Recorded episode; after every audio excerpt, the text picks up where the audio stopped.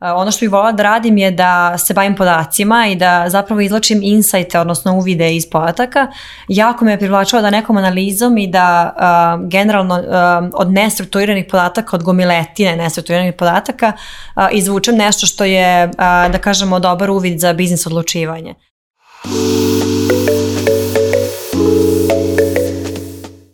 Dobar dan i dobrodošli na ovaj epizodu Netokracije Office Talk podcasta. Moje i Marko.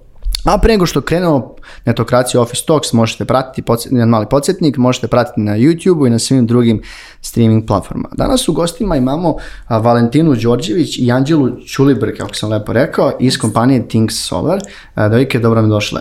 Hvala. Zdravo, bolje te našli. Danas ću da pričamo o nekim stvarima na kojim vi radite, na kojim kompanija radi, načina kako ste negdje iz tog uslužnog prošli u product oriented business i pričat ćemo generalno o data science jer se vi usko, usko bavite tom, tom oblašću. Pa hajde za početak ne, krenemo, mi volimo da, ovaj, da upoznamo uh, sa, slušalce sa sagovornicima, da kažu negde otkud vi u IT industriji, otkud data science, kako izgledao vaš neki karijerni, karijerni početak.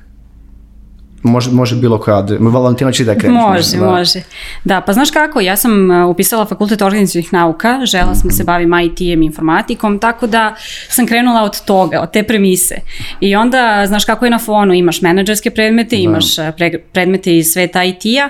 Ja sam ukapirala da mene sve to privlači, dakle volala sam, ne znam, i marketing, i management, e, i osnovne organizacije, a pritom takođe sam volala i programiranje i onda, a, pored toga, ne znam, na drugoj i trećoj godini dolazili su predmeti predmeti gde smo se više bavili teorijom vjerovatnoće, statistikom i tako dalje.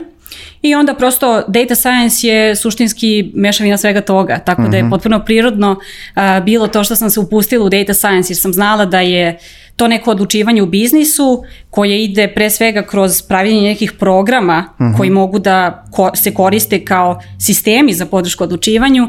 E, od te ideje sam krenula i onda sam prosto uplivala u data science oblasti. I zaista mislim i dan danas da prosto fon je jako dobra osnova zato što je tako šarenolik i to su nekako bile i moje interesovanja i onda s toga eto ja u svetu data science. Mhm, da, juče sam baš prošao pored fona Ovaj, e, vidim da imaju novu garažu, onako super. Kao, Jeste, baš sam se iznenadio, izgleda onako, baš izgleda ozbiljno fakultet. A mislim da je bilo i pitanje tajminga, znaš, da. zato što tada kad sam ja završavala fakultet, polako je kretao sav taj buzzword, data science, big da. data, i, e, machine learning i tako dalje. I onda mislim samo da se sve poklopilo da ja zapravo završim ovdje. Da, nešto ovaj, specifično ili interesantno, mnogo gostiju sa fona imamo. Ono.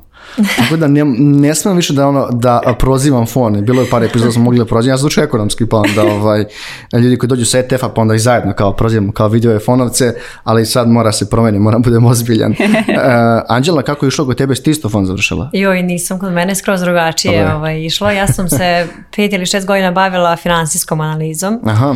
Da, u, zapravo mislila sam da je analiza moj poziv da, da to radim u životu, ali nisam se pronašla u finansijskoj. Mhm. sad, ovaj, ne bih to ni, na koji način definišem kao šta je financijska analiza, ali u mom slučaju, u mom sistemu vrijednosti je nekako ovaj, eh, bilo ograničeno u nekim procedurama i pravilima koje, o kojima sam morala da igram i sigurno sam da se ne bi svi financijski analitičari s tim složili, ali tako sam se ja osjećala. do mene nisu stizli ti buzzwords oko ovaj, data science, oko big data, ali u nekom trenutku sam shvatila da želim da promenim profesiju i da E, ono što bih volila da radim je da se bavim podacima i da zapravo izločim insajte, odnosno uvide iz podataka. Jako me je privlačilo da nekom analizom i da e, generalno e, od nestrukturiranih podataka, od gomiletine nestrukturiranih podataka uh, izvučem nešto što je, da kažemo, dobar uvid za biznis odlučivanje. I to me negde vodilo i nekako sam i saznala da se to zove big data i ovaj, data science i onda sam počela sama da učim programiranje. Inače nisam nikada planirala da budem programer, ali uzela sam da učim Python. Nakon dve godine sam onako skupila hrabrosti da krenem na meetupove da potražim Things jer sam ih pratila ovaj, generalno što oni rade pošto su bili u Data Science organizaciji i dalje, i dalje sam u Data Science organizaciji Srbije i tako sam ovaj, naletela na, na Darka i Miloša koji su naši co-founderi i na Valentinu koja će mi posle postati mentor.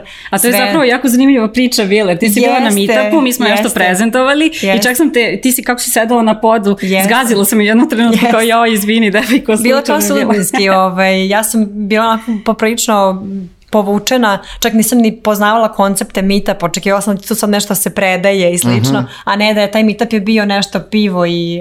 Um, podaci i pivo. i podaci, tako. Da, čak i lepo zvuči.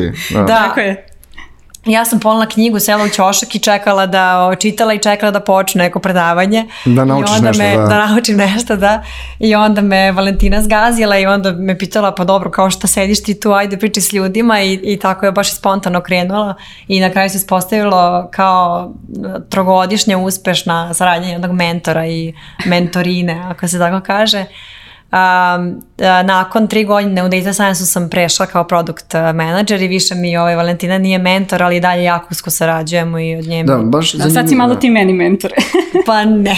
da, ovaj, baš, je, baš je zanimljivo. Ne znam puno ljudi koji su ja neki meetup, ovaj, slučajno izgazila osoba koja će biti mentor i kao hajde da radimo zajedno. Zostavit samo na sekund ovaj, o priči. Koliko je bilo teško Preći ono, ta, raditi taj switch, da kažem prekvalifikovati se e, i raditi opet nešto drugo. Iako su to, ok, ne kažem da su slični finansijska analiza i data analist ili analiza, ali ima dosta podataka i mislim da je tu bitno taj analitički način razmišljanja i gledanja tih podataka i čitanja rezultata.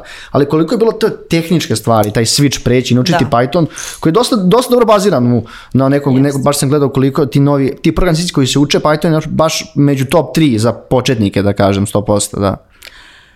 Bilo je jako teško zato što je bilo, bila potrebna posvećenost i bez mhm. izuzetka. Sa mnom je krenula da uči data science koleginica iz firme koja je inače programer po struci, je telefon i radila je kao programer i nas smo počele zajedno, međutim ona je odustala posle ovaj, par mjeseci. Ja sam ostala sama da, da prelazim te kurseve i zapravo ukoliko čovjek je posvećen i ukoliko ima taj neki način rada da nedeljno obradi određene materijale, određeno sati materijala, onda se znanje jednostavno slaže jedno za drugim i, i onda je veliki izazov naći praksu, odnosno naći primere online otvorene podatke i uopšte ideje za nekim projektom i za nekim mini, da kažemo, case, odnosno slučajem da bi moglo da se primeni data science i onda naravno skupiti hrabrosti i to podeliti sa nekim ko se već ovaj, time bavi. Tako da bilo je s jedne strane teško, pogotovo promeniti taj mindset i ući u programiranje u tom trenutku sam mislila da su programeri ono, podjednako za mene nekako za poštovanje kao astronauti i, te neke stvari koje ja manje razumijem, li tako? Ovaj, ali kada, kada je čovjek posvećen onda zaista se stvari poslože i samo je satnice su u pitanju, bukvalno oko hiljadu sati provedete na nečemu, sigurno će vam se složiti. Da, ovo ćemo izvučemo za intro, ovaj najavu epizode sigurno, ovo što si rekla, super rečenica, baš mi se sviđa. Mislim da je generalno to jest dobra stvar. Upornost da istraješ u nečemu da ne koristimo sad ne floskule, ali ovaj, ono, motivacijne, ali to jeste doista tačno, koliko se baš nečemu posvetimo, i malo šanse da uspijemo u tome. Jako, da, mala šansa. E, Valentina, idem ukratko predstaviti ovaj, Things on kompaniju, uh, kada je nastala, uh, čime se bavite, kakve probleme rešava i može nešto više, uh, više o samom timu. Jasno, pa kompanija je nastala negde 2015. gde su dvojice entuzijasta, Darko i Miloš, mm. ovaj, studenti na fakultetu, uh, krenuli da se bave big data tehnologijama. I pošto je tada to bilo jako popularno, Hadoop, big data tehnologije i slično, oni su krenuli od toga, dakle da se bave podacima, a onda data science koji se koristi kao skup metodologija za obradu tih podataka, i izlačenje nekih uvida iz tih podataka je bio nekako potpuno normalno nadovezivanje na big data tehnologije kojima su se njih dvojica bavila. Onda sam im se ja pridružila i neki od prvih naših klijenata su bili upravo iz oblasti telekomunikacija, eh, bankinga i retaila, jel da? Tako da smo zajedno sa našim klijentima radili na e, rješavanju njihovih glavnih e, problema, na primjer u, retailu povećanje stope konverzije. U e, telekomunikacijama je to bilo mnogo brže vreme do donošenja odluke i neka automatizacija. U bankingu je također bilo povećanje korisničkog iskustva, jel da? Tako da ideja je bila da prikupimo podatke o njihovom poslovanju i da te podatke izanaliziramo kako bismo dali vrednost. Međutim, nije to tako lako, jel da sada? Oni nisu naši klijenti nisu bili upoznati uopšte sa data science-om, sa ovim novim tehnologijama, tako da mi smo krenuli u te neke programe edukacije, postavljanje njihove data strategije, pravile su se, jel da, ovaj, ti pipeline da tako kažem, uh, kao i uh, data lakes, jel da, praktično uh, skladišta podataka, jel da, i onda smo na osnovu svega toga gradili analitiku, tako da nismo odmah krenuli od same analitike, jer mhm. većina naših klijenata uopšte nije imala podatke koji su bili u obradivom obliku, tako da je prvi korak bio taj inženjering deo, odnosno ETL, prikupljanje mhm. tih podataka i tek onda analitika izlačenje vrijednosti. Da, kažem, prosto imali taj screening ili bukvalno te moraš da dođeš, da dođeš uopšte do tih podataka mogu yes. da li analiziraš. A kako, je bila, pa ok, e, kako je bilo strani strane klijenata, jer su izašli, izlazili u susret, kako je uopšte bilo njihovo znanje, e, došli su neki mladi ljudi, vrlo mm-hmm. često, koji će sada izvuku podatke koji im rado finaliziraju. analiziraju. Jesu bili, jesu bili ono kao, e, važi ovo, idemo prihvatamo ovo lako ili šta radite, šta mijenjate to, se radi kako treba do sad? Jasno, uf, pa da, to je bilo jako zanimljivo. Mislim da smo imali baš E, saradljive klijente koji su bili entuzijastični, ali sa druge strane su nas i challenge-ali, znaš, izazivali mhm. su, pa kako radi sada taj algoritam, možeš da mi to objasniš? Tako da su bili dosta posvećeni i upravo mislim da je ta sinergija koja je postojala između naših klijenata i njihovih dominskih eksperata i našeg tehničkog znanja koje smo mi donosili, zapravo i dala dobre rezultate, jer generalno data science se posmatra kao jedna da tako kažem, sveobuhvatna oblast koja inkorporira i softversko inženjerstvo i matematiku, statistiku, teoriju vjerovatnoće i biznis sa treće strane. Mi to kao klinci nismo pokrivali sve, tako da je morala prosto ta sinergija da se desi i tim zajedničkim snagama smo zapravo radili na projektima koji su dali najviše vrednosti. Da, ja moram da dodam da sam se u početku baš više iznenađivala koliko su zapravo klijenti bili spremni da, da mhm. probaju ovaj, data science, iako o tome nisu znali puno, jer sam nekako imala predubeđenje da niko nije uh, ne, definisao već unapred budžet za data science, zato što o tome nisu razmišljali. Došli smo i mi koji smo im to predlagali i kao zašto bi oni ulagali u nešto za što ni ne znaju kakve će iskode doneti, ali sam se jako puno iznenađivala zapravo koliko su e, ljudi bili spremni da, da nam daju šansu i da, da probaju s nama. Edukacija je ključ svega da. Prvi korak zapravo. Da, prvi korak za, za, za, da, za dalje. E, koliko smo danas u, u Beogradu u timu?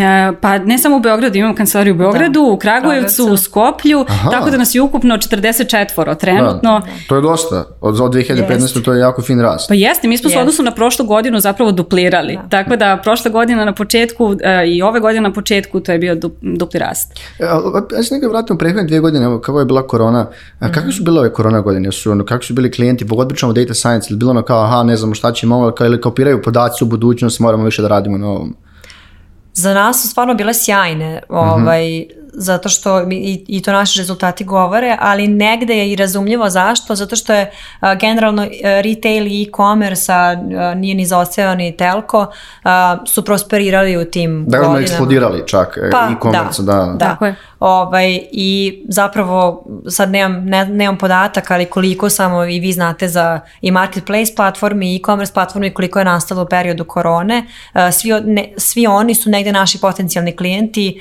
i eh, neki od njih su već i koristili da kažemo naše usluge pa su se malo i preorientisali na tu online mhm. prodaju i to je sve nama da kažemo stvaralo više posla. Da, sa druge strane bilo izazovno jer smo imali prvi ikada onboarding, dakle novi zaposleni je došao koji je bio online, ono remote u potpuno zato što je baš bilo u lockdownu i onda kao, dobro, sada treba da ne znam, svaki dan pričam sa tim kolegom, srećom pa smo se pre toga upoznali mhm. uživo i videli, ali je to bilo jako onako zahtevno, međutim, prilagođavali smo se svemu. Mislim da je jako velika karakteristika Think Solvera i generalno naše kulture ta adapcija na promjene promene, mhm. da, na, rast, na, na, na novnastale uslove i slično, da. gde se donekle prožima neki light motiv našeg načina rada i mhm usvajanja tehnologija i primjene tih tehnologija i znanja na različite poslovne probleme, ali isto tako je, e, iako je to bio light motiv, kompanija rasla, transformisala se, uvođeni su određeni procesi i slično, tako da zaista mislim da evo i korona, mada i generalno naš rast, donijeli su neke promjene i mi smo se trudili da te promjene e, jeste da ih ispratimo i da ih labeliramo kao dobre, jer zaista jeste bilo tako. Da, sjajno. Ehm, I sa velikim halabom, ne nekako je, a kažem, IT tržište bilo dosta pošteđeno od korone, jer čak i mi i mnogo mojih klijenata su imali, kažem, najuspješnije godine, jer konačno ono, bio onaj mim, šta mhm. firmu treba na digitalnu transformaciju, nije CEO, nije CTO, nego, e, nego korona COVID-19.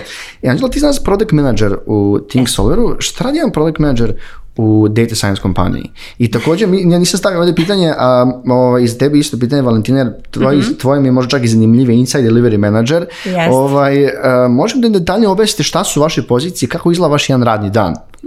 Može. u suštini, product manager bi trebalo da ima kao nekoliko sastojaka. To je da poznaje tehnologiju, jel tako? mm Obavezno.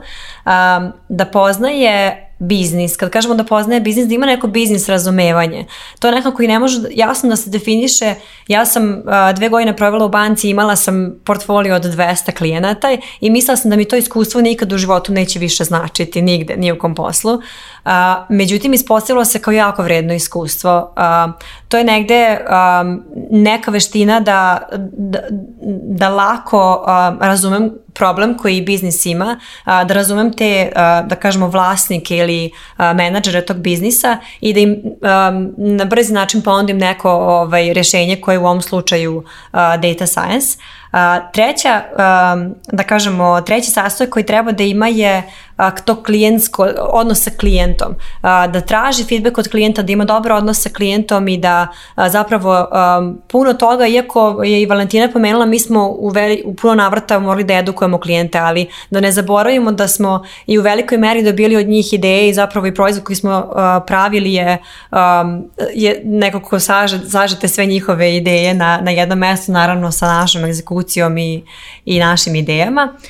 E, to je bio treći sastojak, četvrti je da mora da ima rep, dobru reputaciju, kredibilitet kod mhm. menadžmenta, mhm. da kada menadžment može da mi poveri e, odluke koje su svakodnevne i koje su jako važne i krucijalne za, za proizvod e, i na kraju dana i budžet je kod mene, tako da odgovaram na neki način, mislim kažem budžet, odgovaram da taj proizvod mora da bude profitabilan, da, da donosi neki revenju i, i profit.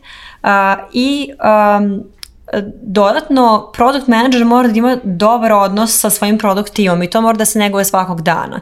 E, product tim treba da ima jasno iskomunicirane dalje ciljeve, taj roadmap e, i, i, generalno da im se na dobar način prenese jer oni nisu u kontaktu sa, sa biznisom, sa klijentima i, i treba da im se prenese šta klijenti žele i, na kraju koji benefite naš proizvod koji mi pravimo daje klijentima i posljednja stvar koja je jako važna važna je, product manager mora da voli proizvod eh, koji pravi. ja sam radila tri godine kao data scientist, ali sam od početka bila uključena u, u da kažemo, građenje tog proizvoda zapravo svi mi koji smo u tom trenutku bili u Team Soveru, mi smo bukvalno ovaj, skinuli figmu alat za, mm za mhm. dizajn i pravili te prve, ovaj, da kažemo, user interfejse i iako smo svi vezani za taj proizvod i imamo veliku želju da on uspe i da ne samo, kad kažem uspe, mislim baš to da donosi benefit klijentima i time se vodimo svi i, i nadam se da u tome uspavamo. Sad smo u, u i to je početkom ove godine, uh, smo već započeli neke module uh, i neke, da kažemo, mi ih zovemo studija koji su već nekako globalno konkurentni i onda svima, tom, svima nama je to nekako nova stvar i uh, stvara nam još veći pritisak i s druge strane još veću želju da se dokaže. Pa da, mogućnost radiš na inostranom tržištu nekim glob, da se takmičiš sa globalnim nekim stvarima, to jeste, jeste. baš izazovno. Za mene je sad, da, ovaj, nisam odgovorila za, to ovaj, kako izgleda ovaj, moj dan. Možda bolje da opišem kako izgleda nedelja, jer negde ovaj, ponedeljkom je dan za planiranje, kada tim, moj tim i ja planiramo šta će se raditi u tom, da kažemo, sprintu, ovaj, poznato kako se kaže, ali u, suštini da ispoštujemo roadmapu, ono što je planirano, ali imamo i sa managementom planiranja za neku strategiju dalje i za, da kažemo, odlučujemo o dizajnu i slično, onda su utorak, sreda, četvrtak, petak a, nekako a, to da, da odgovorimo na sve te zahteve koje smo hteli, ali i da sarađujemo sa Inside Delivery i delivery ekipom koja deliveruje ta, taj proizvod klijentima i pored toga da ovaj, budemo i gost na podcastu, možemo prenesemo znanje ili na nekim konferencijama, da učestvujemo u nekim, da kažem, sastancima koji sastavni deo posla Um, da se dalje odlučuje o ovaj, daljoj strategiji proizvoda, um, da brinemo i o marketingu, da ima sad da znači, svašta ne, jako puno stvari, da. Ali um, eh, htjela bih da kažem da je u Soveru mislim da je zanimljivo zato što kada pričam sa drugim kolegama product managerima iz drugih kompanija, negdje vidim da oni sekvencijalno odgovaraju za određeni ili deo proizvoda ili deo procesa u okviru proizvoda. Kod nas je to da je jedan product manager na celom proizvodu. Vidiš ceo proces, drugim rečima. Tako mhm. je. I odgovorna sam za ceo proces. I onda sam ja i sa klijentima i s druge strane sam i sa product timom, sa te tehničke strane. to to jeste, um, da kažemo, izazovno, ali, ali tako je i mislim da je na taj način bolje jer, ja imam najsaobuhvatniju sliku i mogu da proces sagledam uh, kompletno. Tako da, to ovaj, prvi put, čo, prvi put mi neko ja, ovaj, uh, rekao kako mi izgleda radna sedmica. Čisto znaš, i ovo je, bilo, ovo, je zaista uh, više nego savršeno. ovaj, jer mimo ono nam je skoro, ne znam, kada ovo objavimo, bit će nam stoj neka epizoda mm -hmm. podcasta i mi još nije dao uopšte detaljan uvid šta tačno radi ili kako izgledamo radim, da li bi dao, jako fino opisano. Znaš da ti kažem, ili koristite vi onaj dijeli Scrum da ljudi programeri stoje ovaj, ispred kamere ili u kancelariji ili niste izbacili te stvari? Ah, joj, da, imamo jako su korisni. Mi smo to nekada imali radi poštovanja Scrum metodologije, jel tako? I to nam nije bilo korisno. Ali sada imamo neke daily stand-upe sa, sa, sa delivery timom i imamo, stand, imamo daily te sastanke mhm. sa product timom. Oni su svakog drugog dana se, se menjaju. Tako da baš u ta dva dana se desi nešto što bismo voljeli da prokomentarišemo. Mhm. Imamo jedan dan petkom, da kažemo, dugi, duži sastanak delivery i product tima i imamo jedan dan koji je jako zanimljiv gde prolazimo kroz kroz user story također taj sastanak, da kažemo, duži. A, prolazimo kroz user story opet a, management ekipa iz delivery i, i product ekipe. Prolazimo kroz user storije i želimo da se postaramo da svaki user story je toliko pojednostavljen i toliko dobro objašnjen da ga svako u firmi razumije na kraju krajeva i klijenat koji mhm. bi ga pročitao i da se postave određeni acceptance kriterija kada je taj user story, odnosno feature koji ćemo mi razvijeti, kada je on prihvaćen i kada, je, kada možemo da kažemo da je uspešno produkcionalizovan. To je jako pa zanimljiv jeste, i sa tom praksom smo, da. S tim što ne stojimo i tako to, mi smo, bilo koja metodologija. Da, Samo da, se ogradimo. Prilagođavamo svojim potrebama. vidjeli smo da ti daily sastanci su jako važni, čak i za mlađe kolege, odnosno za juniore koji ne znaju šta rade, jel da? I onda prosto moraš da im podeliš po taskovima i da ih na dnevnom nivou čekiraš, zato što će suprotnom da se pogube, jel da? Tako da bilo je i nekih operativnih stvari koje su rešene kroz te sastanke. Da, mi što imamo daily sastanke, ovaj, ne svako jutro pola deset, kad god i gde god si na svetu eto se uključuješ u to. Mm -hmm. Imao je Marko, nije tu, e, imao je jednom fiks ideju da kao budem u krugu kad smo u kancelariji, da kao da, bi pričali, ali hvala Bogu nije prošlo, tako da ne, ne, ne, ovo, ovaj, isto imamo u krugu. E, e, Valentina, ajde ukratko nam objasni šta je, e, znači tvoja funkcija Inside Delivery Manager i koliko se to generalno zavisi od nekog service delivery managera mhm. ili nekog project managera na, na, u kompaniji? Pa zapravo sve ovo što si spomenuo jeste ono što e, radim, ali da, ima razlika. Ajde da krenemo ovako, Insights Delivery Manager. Insights, dakle mhm. bavim se izlačenjem uvida, izvlačenjem izlačenjem vrednosti na osnovu podataka. E, sam način kako ćemo to uraditi e, nije toliko važan, budući da je jako važno samo izvući taj uvid. Da će to biti neka vizualizacija, statistička analiza ili statistički test, mašinsko učenje, odnosno razvoj algoritma mašinskog učenja, to je sada zavisi od podataka, od problema koji je definisan, od vremena koje imamo i slično tako da je ideja izlačiti uvide. Delivery u mom nazivu, e, u stvari u nazivu pozicije, znači da sam u delivery delu ekipe. Ovako, pošto firma ima jel da, neke dve glavne za sada vertikale, to su vertikala koja je posvećena razvoju proizvoda i vertikala koja je posvećena integraciji, odnosno delivery tog proizvoda, ali i deliveryu ostalih servisa. Servisi su nešto što mi razvijamo za naše strateške partnere, custom servise za neke njihove specifične poslovne probleme. Tako da sam ja e, zapravo zapravo zadužena za izvlačenje insajta i za razvoj kako servisa, tako i za integraciju samih proizvoda, odnosno i e, izgradnju insajta na osnovu našeg proizvoda. A menadžer je zbog toga što suštinski razvijam tim data scientista koji rade na izvlačenju tih uvida i... Dobro, da, dobro menadžer to je već, već sistem vođenja tima pa koji, pa, tako koji je, To ništa, Tako je. Tako da suštinski ono kako moj posao izgleda, odnosno ono što najviše radim, jeste da najviše komuniciram sa pre svega Anđelom kao produkt menadžerom, komuniciram dosta s klijentima da identifikujemo šta su njihovi problemi, da li je nešto specifično toliko da mora da ide kroz servis, koji mhm. nije prosto deo proizvoda, ili može da ide kroz proizvod i šta je potrebno uraditi da bi se određeni poslovni problem adresirao. E, negdje smo, ja se stavio ovdje pričamo o klijentima, ali ste već negdje pomenuli e, kroz priču koje industrije ste mhm. pokrivali sad e, i taj uslužni deo, međutim Think Solver jeste napravio e, sobstveni proizvod, taj Solver AI Suit, ajde pričamo malo o tom proizvodu, mhm. na kojim tehnologijama pa, ovaj, počiva, kojim industrije je namenjen. Eh, I ovdje sam našao jednu ovaj, zanimljivu rečenicu, ljudi koji ne znaju, a da objasnite neki slogan Big Data eh, and Machine Learning Platform. Mm Pogotovo ljudi koji nisu, ne znaju dovoljno ja mhm. i machine learningu, šta tačno vaš proizvod radi? pa jesam zanimljivo u suštini. Što se industrija tiče, mi smo u početku govorili da je naš e, proizvod e, kao industrija agnostik, u smislu da mhm. može da bude prilagodljiv svakoj industriji. Zašto? Zato što svaka industrija ima e, svoje potrošače, tako svoje konzumente, na čemu se počivao, na čemu je počivao koncept našeg proizvoda u početku. a svrha cijelog proizvoda u početku je bila know your customer better ili samo understand your customer. Znači, suština je bila da pomognemo našim klijentima da razumiju svoje potrošače i da eh, ih neguju kroz naš proizvod eh, i da znaju na koji način, da kažemo, prikladno da ih uh, targetiraju, malo targetiraju, ružno zvuče, ali u smislu kakve, da kažemo, ponude i preporuke da im plasiraju mhm. u kontekstu njihovih proizvoda, njihove generalne ponude. Sad možda sam malo zapetljala skroz ovo objašnjenje, ali počeli smo sa retailom i uh, negdje smo se i kroz retail najviše i razvijeli. tako da mogu da kažem da je primarna industrija koja koristi naš proizvod je retail i e-commerce u, skorije vreme. zašto big data i kako smo rekli ovaj... E, big data machine learning platform jeste, zato što um, biznisi generalno svakodnevno generišu jako puno podataka.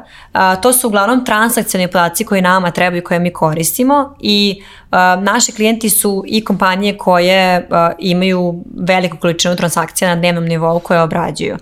Zbog toga je big data, zato što je bilo potrebno razviti tehnologiju koja može da obradi tu količinu transakcija, da ih uveže sa njihovim klijentima, tako sa klijentima naših klijenata, sa potrošačima naših klijenata i da to sve spakuje, da kažem, kroz neke uvide ili kroz um, neke akcije na našem proizvodu. Sad, ovaj, da ljudima bude sad skroz transparentno čemu služi proizvod, je da um, zapravo um, naši klijenti uh, i to najviše marketing odaljenja kod naših klijenata uh, mogu na jednostavan način u pet jednostavnih koraka uh, da segmentiraju svoje korisnike i da ih kroz određene kanale uh, targetiraju, odnosno da im pošalju uh, preporuke uh, i ti kanali mogu biti um, bilo koji, da kažemo SMS, Viber, email kanali ili mogu biti preporuke koje se serviraju na digitalnim kanalima kao što su web sajtovi,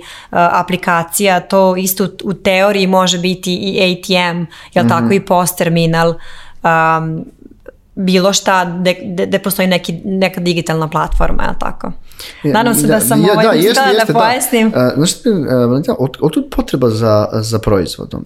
Kad je, kad je negdje, mhm. jel zbog neko, jel to ono bilo e, što su klijenti nekako kroz rad sa klijentima e, tražili i ste onako, ej, hajde, zašto mi ne bi razili svoj proizvod? Tako je, tako je. Pa ja volim, e, i u pravu si, volim da kažem i da napravim neku analogiju, to je kao da smo mikroservise dosta radili neka custom rešenja i sad servisi su kao, kako se to zove, šrafciger, jel da? I mhm. sad imaš specifični šrafciger za svaki šraf, mhm. dok proizvod je kao onaj švajcarski ključ gde imaš mnogo više e, manjih, uh ovaj, e, da tako kažem kako se sad to zove, tulova, jel da? Uh -huh. Kojima možda rešiš više problema.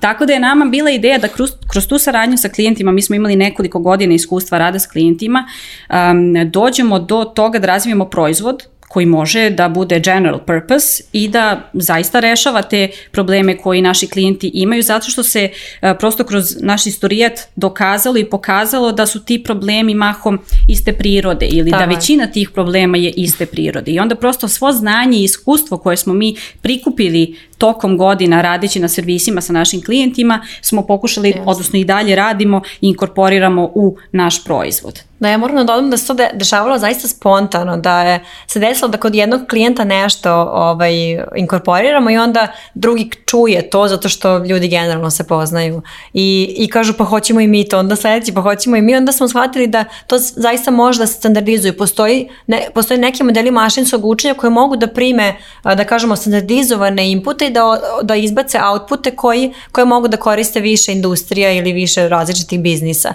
One modele koje smo mogli da standardizujemo standardizujemo, smo uvrstili u proizvod i sada se oni koristi. I deo Također, da li taj business model proizvoda zavisi toga koliko klijent uzme funkcionalnosti tog proizvoda? Ili to ono sad business model, evo to su neka tri modela koje imaš ili se on više prilagođava sad mm-hmm. potencijalnom klijentu. Znači onda su to opet veliki, veći klijenti koji koriste vaš proizvod, da nisu baš ono male i srednje kompanije yes. ili male kompanije koje koriste vaš proizvod. To da. to je jako dobro pitanje. Do sada smo radili sa velikim kompanijama međutim, sve više težimo i negdje nam je cilj za 2023. godinu da postanemo software as a service, odnosno da može mhm. da se naša platforma koristi samo uslužno, je li tako? Mhm. I ne samo to, nekako smo mi u početku imali velike ambicije da sve što pravimo i modeli koje koristimo mašinskog učenja budu jako dobri, jako kompleksni, da rešavaju ozbiljne probleme. I onda smo shvatili da klijentima treba, ok, nekima treba to, ali mnogima treba dosta jednostavnije i sa dosta jednostavnijim ovaj, mogu da, da mhm. izađu na tržište, je li tako? I e, to smo ove godine nekako uspeli da, da pokrijemo, da, da u 2023. će naš tool moći da koriste i manje kompanije, zapravo jako male kompanije, srednje, veće. Neki će se uklapati u te uh, e, SAS modele koji su mhm. već predefinisani, a neki će ići na taj, kažemo, enterprise verzije mhm. koje su više prilagođene njima. Dakle, za, da, za velikim korisnicima um, bili ste znači uslužna kompanija i yes. prošli taj, e, prošli taj uh, napravili ste svoj proizvod, što uopšte nije jednostavno, Uh, ne, ne, veliki, ne veliki broj kompanija domaće tržištu koje su razvili jedno i drugo, koje su prošli, kažem, ni, vi niste bili baš klasični outsource, ali ste uslužni, produkt, E, product kompaniju. Mi smo čak imali tekstove na netokraciji i baš onako razne vrste komentara gdje su se ljudi prepucavali šta je bolje, mm-hmm. šta je slično. Hajde da pričamo iz vašeg ugla. E, Kako je bila ta tranzicija iz klinijskog pristupa, iz, pri, iz e, ovaj, vašeg tima, koliko je generalno teško prebaciti svoj mindset, e imamo svoj proizvod koji prodajemo i koji treba bude, on treba da bude u fokusu, a ne sad mm-hmm. svaka pojedinačna želja nekog klijenta. Koliko je bilo teško to? pa i to i dalje izazov kod nas, jel tako? Pa tako je, jako si lepo rekao, to je mindset i sada treba zaista se prilagoditi tom novom načinu rada. Što se tiče tih operativnih stvari, odnosno našeg tima, mislim da je najizazovnije bilo to što kada klijent dođe s nekim specifičnim zahtjevom nekako to karakterisati da li je to change request ili je to specifični zahtjev ili je to proizvod, odnosno može biti i treba biti deo proizvoda. To je bila prva stvar. Druga stvar jeste to što smo mnogo više počeli da radimo software development, dakle treba da imamo proizvod koji radi, koji je automatizovan, koji je responsivan i pouzdan i onda smo mi tu što se tiče samog development, uveli neke dobre prakse. Naprimjer, primjer, mhm. kod review-ove imali smo neka ograničenja u smislu kada neko pošalje kod na kod review, imaš tačno vrijeme koliko revieweri koje si postavio za koliko vremena mhm. treba da pogleda taj kod i slično, što je nama mnogo više kao prvo podiglo kvalitet rada, kao drugo efikasnost. Dakle, efikasnost je skočila za 30%. I rada i samu strukturu rada, jeste. Onda je drugi izazov bio to što se dešavalo da tehnologije se razlikuju, tehnologije na kojima razvijamo proizvod su malo drugačije bile od ovih na custom servisima i onda se dešavala neka diskrepanca u Uh, kompetencama i znanju. Mhm. Tako da smo onda počeli da organizujemo neke sesije razmene znanja i onda imamo Think Solar Akademiju koja se održava mhm. par puta mesečno, gde jedni drugima pričamo o novim tehnologijama, novim servisima koje smo razvili, uh, delivery ekipa prezentuje šta su radili na servisima, produkt ekipa prezentuje šta je rađeno na proizvodu, tako da je to baš dosta pomoglo da se nekako uh, niveliše to znanje koje imamo unutar kompanije i zaista to je nešto što naše kolege ono, dosta E, cene, da tako kažem, jer uči se i radi se i e, pritom postoji neka doza kreativnosti tu da malo istražujemo tehnologije i da ih primenjujemo, tako da sa te strane što se operativnog dela tiče jeste bilo izazovno i dalje imamo izazova tako koje rešavamo. da. Ja bih isto dodala da je baš u data science-u mhm. nekako... E, servis, servisno orijentisan e, biznis je dosta neizvestan, jel mm tako? Mhm. Zato što su Absolutno. generalno data science projekti su neizvesni. E, često ne znamo gdje će nas projekat odvesti, koliko će trajati, da li će biti uspešan, koliko uspešan i slično. Tako da izgradnja proizvoda koji će, da kažemo, biti podržan data science-om je uvela pa sve ovo što je Valentina reka, neku strukturu rada, ozbiljnost, procese, procedure i slično što nam je prijalo zaista i prijalo je i našim kolegama da kažemo da znaju taj taj razvojni put i šta treba da se postigne da bi, da bi proizvod dobro radio, da bi klijenti bili zadovoljni i slično. A, i sa druge strane... Metrika je jasnija. Tako je, i sa druge strane, to ti si se malo dotakla sa te teme, razvijati data proizvodi, klasični software, postoji razlika u da. smislu da je data proizvod vođen podacima i sad ti zbog variabiliteta u podacima možeš imati skroz drugačije Tako ponašanje na grafičkom interfejsu zato što prikazuješ ne znam neke preporuke i onda dosta smo zapravo vođeni limitirani tako je limitirani tim da. Kompletno da. da. on, e, pitanje je kad e, vrlo često mi jesmo opet u ono, industriji IT-a, da li komunikacije, vrlo, mnogog naše posla jeste komuniciranje, mm. uh, svakodnevno komuniciranje klijentima, sa timom i vrlo često su, e, ne gledamo podatke, nego neka neka mišljenja zasnijamo na našem prvom utisku. To je ono što yes. sam ja vidim, kažem, mi smo people business i vrlo često smo imali, se sreo situacije da ljudi, um, ja nešto mi se tu ne sviđa, ali kao, ali krle, pogled podatke iza toga. mm Znači, mislim da je to dobra stvar kad ti u stvari praviš neki proizvod i vidiš podatke o njemu. Znači, kako su ljudi koji su ono, ljudi koji su tehničko, pogotovo onako malo, kažem, neću kažem danas, neću kažem puni sebe, nego su vole neke svoje stvari kako su oni reagovali? E, kad ljudi radimo proizvod, ne, ni uslužno, kako su, te, kako su programeri reagovali na te stvari? Pa kod nas je mislim jako pozitivno, ako misliš interno. Da, interno to sam mislio, da. Da, to je jako zanimljivo uh, što si identifikovao taj problem i taj problem je veći kod klijenata. Aha, Zato što su klijenti ti koji misle da su eksperti, i da imaju dobru i jaku intuiciju mhm. za donošenje odluka i onda nam dostave podatke koji možda kažu malo drugačije ili možda pokažu neki, da kažemo, uvid na koji oni nisu obratili pažnju. Onda njima teško da, da poveruju, da kažemo, ovaj, ono što podaci govore. Tako da smo yes. već izazov imali, jel da, tako, u Često nas je Darko, on je jel da, jedan od osnivača, zapravo je postavljao uslov da kad pričamo s klijentom, e, ne prejudiciramo ništa i ne slušamo pretpostavki klijenata, da ne budemo bajasovani, što bi se reklo, nego da mi pogledamo podatke i da ispričamo priču na osnovu podataka, ne na osnovu onoga što nam klijent kaže. I zaista se dešavalo nekada da ono, podaci daju potpuno drugu sliku biznisa u odnosu na to što klijent tima Da, bilo je jako smešnih, zapravo zabavnih nekih uvida do koje smo dolazili, tako uzmemo podatke i, i dođemo do, do nekog, da kažemo uvida da se u određeno mesto konzumira mnogo više vode nego u drugom mestu i mi mislimo sad kao, wow, kakva zanimljiva činjenica i dođemo u klijenta i klijent nam kaže, pa zato što ovdje nema pijeće vode. da, ili da neka dva jako čudna proizvoda idu zajedno u korpi. Onda su oni rekli, a pa da, imali smo specijalnu akciju kad je to išta kao da. dobro, okay. to, to jeste bilo zabavno, ali s druge strane dešavalo se da e, pred klijenta stavimo neke prognoze do kojima smo mi došli forecastingom koji je podržan mašinskim učenjem i neuronskim mrežama koje su jako, da kažemo, moćni alati za, za forecasting i mi im kažemo šta je ovaj model izbacio, oni kažu ne, kao to nema šanse da se mhm. desi, zato što je u ovom slučaju bio neki blagi pad. I sad tu se već susrećeš sa tom ljudskom, da kažemo, psihom, da li oni žele da prihvate da će im, da će im biti pad u budućnosti, da li smeju da prihvate i to da, prije, da prijave svom managementu. Da, to jeste malo, i kao očekujemo pad, kao da. Tako je. I mhm. et, sa takvim stvarima smo se susretali, to su i naravno gomila drugih zanimljivih situacija sa klijentima, ali da ne ostanemo, ovaj, da kažemo, da ne uskratimo za ovaj odgovor, šta ti misliš za generalno naše ljude interno, da li su imali... Pošto je pričali da ste mijenjali tehnologiju, samo zbog toga, koliko da. su ljudi bili, ok, radimo u drugom frameworku, moramo da naučimo ovo, okay, yes. da, da, su, ono- generalno su ljudi kod nas, jako puno ljudi je samouko.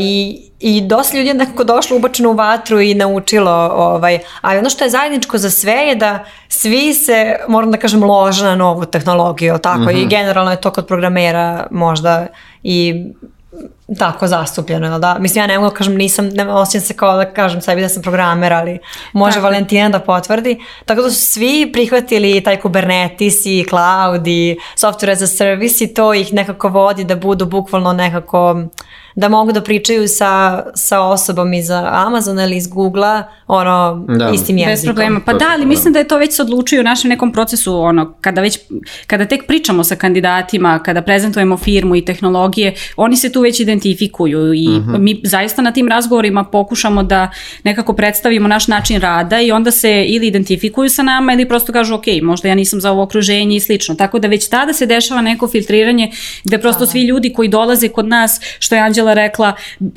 njih je zapravo promjena, savladavanje novih tehnologija i slično. Tako da nije bilo svima lako i nije lako naravno kada se promjene dešavaju. Mi se sada trudimo da dozirano uvodimo te promjene, pogotovo zbog proizvoda, jel da ne možemo da menjamo tehnologiju tek tako, ali e, i, i to smo nekako prebrodili upravo ovim e, sesijama razmene znanja i ovaj, svima se to dopalo. Da. Nego je lakše kad je ka boljem. Da, Onda, da, da, da, to jeste većina lakše. Yes. Da, da. Yes. Kad ide nam dobro je okej. Um, sad nema potreba da pričamo o nekom, sad pomenuli smo tu biznis stranu i generalno kao ovaj, mm-hmm. proizvoda i koliko se generalno menja mindset kad prelaziš iz, iz, iz kažem, iz klijentskog uslužnog pristupa u prodaj kompaniju. E, ajde pričam baš o data science-u, jer mm-hmm. nisam imao puno prilike da pričam sa ljudima koji, se, koji je to uža specijalnost. E, koliko je ova oblast razvijena u Srbiji? Kakva je zajednica? Da li postoje zajednica? Ti si pomenuo da postoje neki meetup. E, mhm. Da li postoje meetupe? Da li generalno neko vi znate koji organizuju? Kako vi vidite data science u Srbiji? Ja sam primetio na, na LinkedInu da se više poslova, da li data analyst, data science, kako to izgleda kod nas, odnosno na neko, neko strano tržište? Valentina je ekspert pa, na pitanje. Tako je, pa baš pre pet godina kada je, ne pre pet, 2015. kada je i Think Solar nastajao, Darko i Miloš su bili jedni od osnivača Data Science Srbije organizacije, zajedno sa još par kolega koji su se bavili mašinskim učenjem i data scienceom tada i u Srbiji je tada to bilo potpuno novo. Dakle, mhm. kompanije nisu bile upoznate s tim, pojedinci nisu bili upoznati s tim i onda su oni došli na ideju zašto da ovu oblast mi malo ne popularizujemo na srpskom tržištu i krenuli su sa organizacijom organizacijom tih meetupa u okviru Data Science Srbija zajednice, čak je bilo i par nekih edukativnih radionica i akademija i slično. Tako da sada er, kada gledamo tržište u Srbiji, što se tiče um, know-how, odnosno znanja, mhm. poznavanja data science-a i kadra, mislim da smo zaista kompetentni. Ne samo u regionu, mi smo radili sa klijentima na, iz, iz Amerike, San Francisco i zaista smo vidjeli da možemo da jako dobro pariramo kadru koji je tamo razvijen. Tako da dosta verujem iz ovoga što ja znam, budući da e, često i dosta se krećem u tim krugovima data, data science zajednice, da imamo jako dobar i kvalitetan kadar. Sa druge strane, što se tiče klijenata kao takvih, tu je bolje stanje nego što je bilo, naravno, pre 5, 6, 7 godina e, i sve više i više žele da primenjuju data science, da razvijaju čak i in-house timove, što je ono, jako dobro, ali mislim da tu kaskamo za, za Evropom i za region, mislim za Evropom i, i Amerikom i ovamo istokom, tako da što se toga tiče tu kaskamo, što se tiče kadrova mislim da smo jako kompetentni. Što se tiče samih organizacija postoji nekoliko, pored Data Science Srbije ima tu još um, i organizacija i nekih zajednica i stvarno ljudi mogu dosta da se povežu sa kolegama sa sličnim interesovanjima. Eto. E, kao ono što ste pitanje za tebe, Anđela, koje se veštine tehničke mora da posjede osoba koja će želi da se bavi ili se bavi data science-om? Koje su po nekako tebi bile ključne? Uh, ovaj, to je baš zanimljivo zašto je na, na internetu postoje postojala jedna slika kao ko je data scientist i on je bio predstavljan kao unicorn i kao šta sve mhm. treba, koje veštine sve on treba da posjeduje, pa ako počinje, ali treba da ima opet biznis razumevanje, to je da kažemo ključno da razume problem koji rešava, treba da ima tehničko znanje, tako da, da razume neki taj programski jezik koji se koristi u data science najčešće R i Python, jel tako?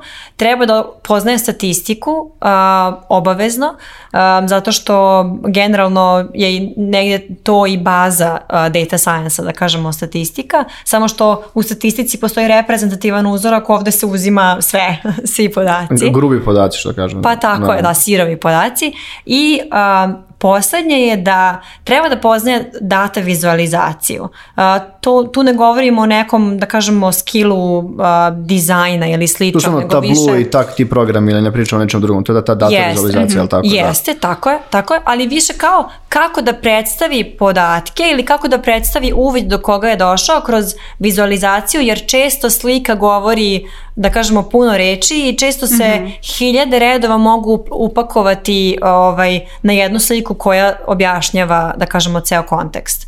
Um, osoba koja bi posjedovala sve to je zaista unicorn i mhm. onda smo mi nekako u tim overu pokušavaju da napravimo kombinacije, jer prosto neki data scientist, na primjer, uopšte ne voli da ima komunikaciju sa klijentom, što je skroz Tako. u redu, jednostavno ne voli da se izlaže tim sastancima i to ga možda iscrpljuje i više se pronalazi nekako, da kažemo, tako je, tako je, onda bismo mi imali data scientista koji to, da kažemo, više voli više na frontu i nekog koga više na beku, pa se međusobno dopunjuju. Kada sam ja došla, opet ono što sam rekla, nisam znala koliko je to biznis razumevanje zapravo će posle doprineti i e, koliko sam bila sposobna da, da sama radim na projektima e, ili sa jednom koleginicom ili da kažemo, ali koliko će to, taj skill zapravo biti vredan u, u data science. Do kraja nisam nekako da, da priznam, ali zaista... Ovaj... Jeste, ideja je bila upravo zbog toga što je jako teško razviti sve te mhm. kompetence.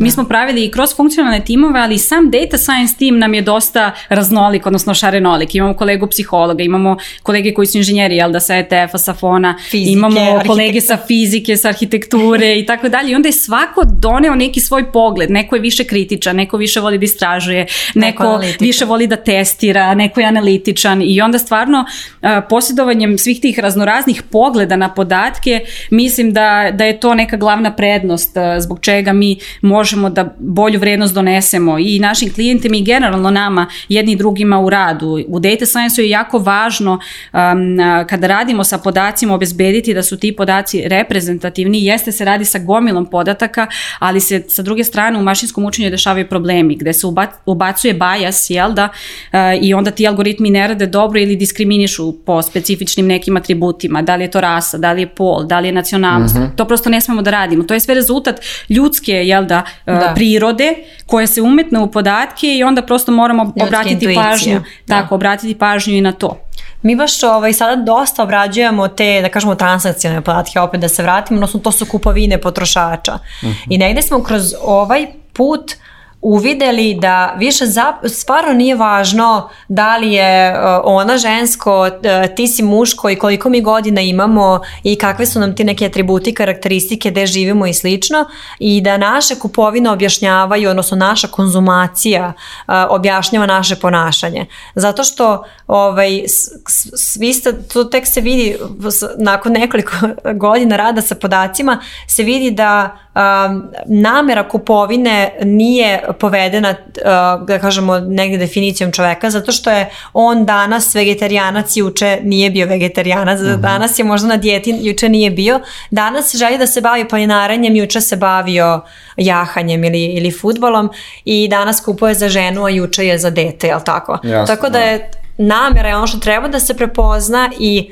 e, mi treba da radimo na tome i radimo na tome da, da tu namjeru prepoznamo i prilagodimo naše modele e, preporuke tome i da taj način da, da ponudimo potrošačima e, ono što je za njih adekvatno. Tako je, samo da se nadoveže na to, postoji jedan specifičan algoritam u mašinskom učenju Long Short Term Memory Network se zove. Mhm. Mi pokušavamo to da ovaj, primenimo i na samom proizvodu, odnosno našem načinu rada, da pratimo neke paterne kroz, kroz duži vremenski period period, međutim da damo veću težinu onome što se skorije desilo, odnosno ono što je trenutna namera, jel? Da, mhm. da kombinujemo te dugoročne paterne sa nekim kratkoročnim namerama ili potrebama.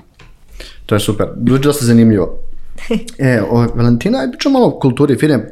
Kroz mhm. ovo, kroz vaš razgovor e, ljudi će moći da mhm. vide, čuju, ti si pomenula baš negde, ti si tu su sedam godina, a zašto sam tebe highlightao zove jer sam vidio da si tu došla kao praktikant. Um, kako bi ti negde pisala ovi tvoj o internu kulturu firme, kažem ovaj osjećaj kada ujutro ideš na posao posle, ovaj, posle sedam godina i kako se to menjalo jer pogotovo to on zbog rasta zaposlenih onboardinga koji si pominjala, cijele ove ludnice zadnje dve, tri godine. Jeste, jeste. Dosta, e, dosta se mijenjalo, krenuli smo od toga da smo bili mali tim, jel da? Pa smo mhm. imali taj neki osjećaj, svi smo drugari ili smo svi porodica, jel da? I onda evo, još smo bili u, prvo smo, da, prvih par godina smo bili u, ovaj, prvo smo bili kod klijenta u nekim prostorima, onda smo prešli u svoj prostor koji je bila mhm. neka kuća koju smo iznimljivali. I onda, smo je kuća. Kuća smo je zvali i onda bukvalno smo osjećaj da, kad ulaziš u, prostoriju da se ono izuješ, zato što imaš osjećaj da si došao... A, ste znači bili ta, imali ste uzor te strane kompanije koje se izuju kad uđu ovaj...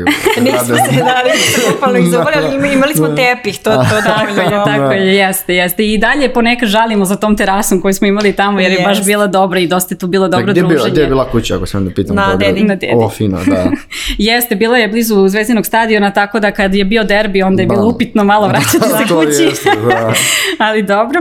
E, E, tako da, eto, krenuli smo od tog nekog e, manjeg tima, entuzijasta koji su ono, do, volili da rade, da uče i slično. Polako je tim počeo da raste, da se širi. E, dosta smo mi kroz taj rast e, istrajavali u toj nekoj našoj kulturi i onda se jako brzo videlo da ljudi koji se ne uklapaju tako su nekako bili, ne kažem e, odbačeni od strane tima, ali se videlo da se ono prosto ne uklapaju to je sada mhm. u redu, to, to je prosto normalno da se dešava, jel da krenuli su dalje i to je to ono, e, tako da sa te strane što se tiče same kulture mislim da smo svi usvojili tu neku ljubav e, mhm. ka tehnologijama, ka podacima ka učenju, ka toj razmini znanja i, i podršci jedni drugima i ka zapravo radu na nečemu što je no bullshit. Mislim da se svi, to je neka naša glavna kovanica i poslovanja i samog rada, jel da, da zaista to što radimo daje neke rezultate i mislim da je to ono što e, sve nas drži na, na oku. Da, zato najviše volimo iskomuniciramo rezultate ovaj, kod klijenata. Da. Kada Tako klijenti imaju rezultate korištenjem našeg proizvoda. E, po neko vaše mišljenje, možemo jedno i drugo, možemo sad ti prvo, e, Anđela, ti si malo manje tu, što je bitno za jednu zdravu kulturu u jednom da. timu. Šta bi ti izdvojila kao, e, kao ovo je da. stvarno, ovo meni bitno? Pa moram da kažem da sam ja došla sedma ovaj, uh, u, u Things Over, što je isto dosta rano. Da, da, i jeste da. rano, da, moram ovaj, da priznam. I tu je već bila core ekipa koja je dan danas tu, je promenjena. Um, ali način na koji sam ja bila prihvaćena u Thingsoveru i sam način na koji sam ja ušla u Thingsover govori sve i to se održalo do, do dana današnjeg, tako je funkcioniše um, zaista se nije promijenio taj odnos da nije važno ko si, odakle dolaziš, šta ti je background, šta si studirao, važno je šta ti želiš da učiš, koje znanje posjeduješ i, i kažem, kakav si čovek, ali da li, se, da li imaš taj kao neki kulturološki fit, fit sa nama. Tako pročitala sam negde kao we don't hire for skills, we hire for attitude, tako da, donekle je to i, i naš način. I moj sam primer govori sve. Ja sam neko ko je došao iz, iz financija, za njih sam, ono, to što sam radila je potpuno da kažemo mhm. strano za njih bilo u tom trenutku niko čak ni nije imao radio financije. Uh-huh. to, su sve bili programeri sa ETF-a ili sa fona i to da su oni mene prihvatili u tim, prvo što je velika stvar za mene i za moj mhm. karijerni put, ali je uh, ogledalo toga kako se oni postavljaju prema novo zaposlenima i kakve zapravo prilike daju ljudima. Ono što bih tela da istiknem kroz neki dalji rad u Think je da su važne samo dve stvari, a to je a, sloboda i odgovornost. I to mhm. zapravo nije uopšte nikakav kliše. na mom primjeru opet to što mi je poverena rola produkt menadžera nekoga koji ima potpunu slobodu s jedne strane jako veliku odgovornost zapravo potvrđuje e, taj njihov stav da ja mogu zaista i zaista imam osjećaj da mogu da usmeravam put našeg proizvoda, ali za to jako čvrsto moram da stojim sa, sa svojim stavovima i na kraju krajeva sa rezultatima i to se najde od mene i očekuje jel mhm. tako? Ne samo, to nije moj izbor, to se, to se od mene očekuje. Mi do skoro, dok se nismo, da kažemo, pridružili Aseku, mi nismo imali nikakva pravila za odmore, i za odsustva. To je bilo dovoljno, prosto se u kalendaru zabeleži da neko zna, ali niko nije vodio računa o tim danima. To nije postala nikakva procedura i to je nama davalo tu slobodu. i na kraju to e, ukazano poverenje da ga nećemo, da nećemo zlopotrebiti tako kao pravilo koje je mhm. nepisano i sigurno to niko nije zloupotrijebio. Da. Super. E negdje, pošto smo o, pri kraju epizode, da kažemo negdje planove za do kraja 2022. ili treće, na mhm. dakle, te i kratkoročne, dugoročne, e, ili da planove da kažemo i da li ne trudno zapošljati u ovom trenutku i ako da, koje možda profila tražite generalno kod ljudi? Mhm. Jasno, pa što se tiče nekih planova do kraja godine, mi imamo jednu kovanicu koja je interno ovako nastala, to je samo duplo, tako da vidjet ćemo ovaj, što se tiče broja zaposlenih, e, više se fokusiramo na duplo veći kvalitet, a ne na kvantitet, ali e, ono što je nama nekako karakteristično jeste da smo mi konstantno u procesu zapošljavanja, mi konstantno skautujemo nove ljude, nove kandidati i tako dalje, tako da ono e, što ovaj, trenutno imamo, imamo par praktikanata i krajem godine ćemo ćemo tražiti, odnosno imati program praksi za data engineering, data science i development. sa druge strane, dakle, zapošljavamo data inženjere, data scientiste, trenutno smo ovaj, puni, što bi se reklo, mhm. trenutno nemamo otvoren konkurs. Dobro, nema veze, ali to čisto svakako, da, da, da, uvek, razmatramo. uvek razmatramo, pričamo sa ljudima, kogod nam se javi, uvek volimo da se upoznamo i prosto da imamo nekog u vidu. Tako da ono što sada imamo jeste u julu je program praksi. Mhm. Ehm, konkurs je tu već e, završen i imat ćemo drugi program praksi krajem e, godine negde u novembru. Da. A, kod mene se samo duplo. ovaj, vidi zapravo prihodu koji generiše proizvod, ali ono čemu težimo u 2023. godini je upravo tom nekom sasu, odnosno mhm. da na taj način možemo da, da kažemo da se dupliramo um, u tome što generišemo, je li tako? ali pored te, ovaj, moram da kažem, pored te kreditice samo duplo, zato što je, ona se dosta odnosi na neku metriku, brojku mm i kao dupliranje radi um, samo dupliranja, što zapravo i nije ovaj, suština. Mm Um, ali isto je kod mene u timu postojala krilatica always green. Aha. ali to se više odnosilo na to ono što postavimo kao ciljeve. Mhm. Treba da ih dosegnemo. Green je bilo negde na 70 i nekoliko procenata. Tako da, tako da eto te dve stvari su se negde ovaj... Jeste, to je povezano s time što ono, imamo neku zvezdu vodiju na kraj uh mhm. -huh. godine koja se postavi sa, sa vrha, jel, od strane da, management Jeste i onda radimo po OKR metodologiji, svaki tim definiše svoje OKR-ove koje treba da, da u narednih par mjeseci i onda je ovaj zaista Anđela sa svojim timom se trudila da uvijek budu zeleni. zeleni. I to negdje i sada se volim time da... I Zato si u zelenom danas, da. da. Nekako se potrefilo, da. E, ništa da hvala vam puno, a ja zaista uživam na razgovoru. Uh, Također. Prilično kažem što bili moji Također. što gosti, nadam se ću u budućnosti imati priliku da opet pričamo zajedno neku temu, da li nekom meetupu ili podcastu, eh, to je ovaj manje bitno, a vama dragi slušalci i gledalci, hvala što ste li sa, uh, do kraja epizode sa nama, uh, eh, Netokraciju Office Talks možete pratiti na YouTube i na svim, uh, svim drugim streaming platformama, bukvalno svim, tako da još jednom pozdrav svima. Pozdrav, pozdrav. hvala vam.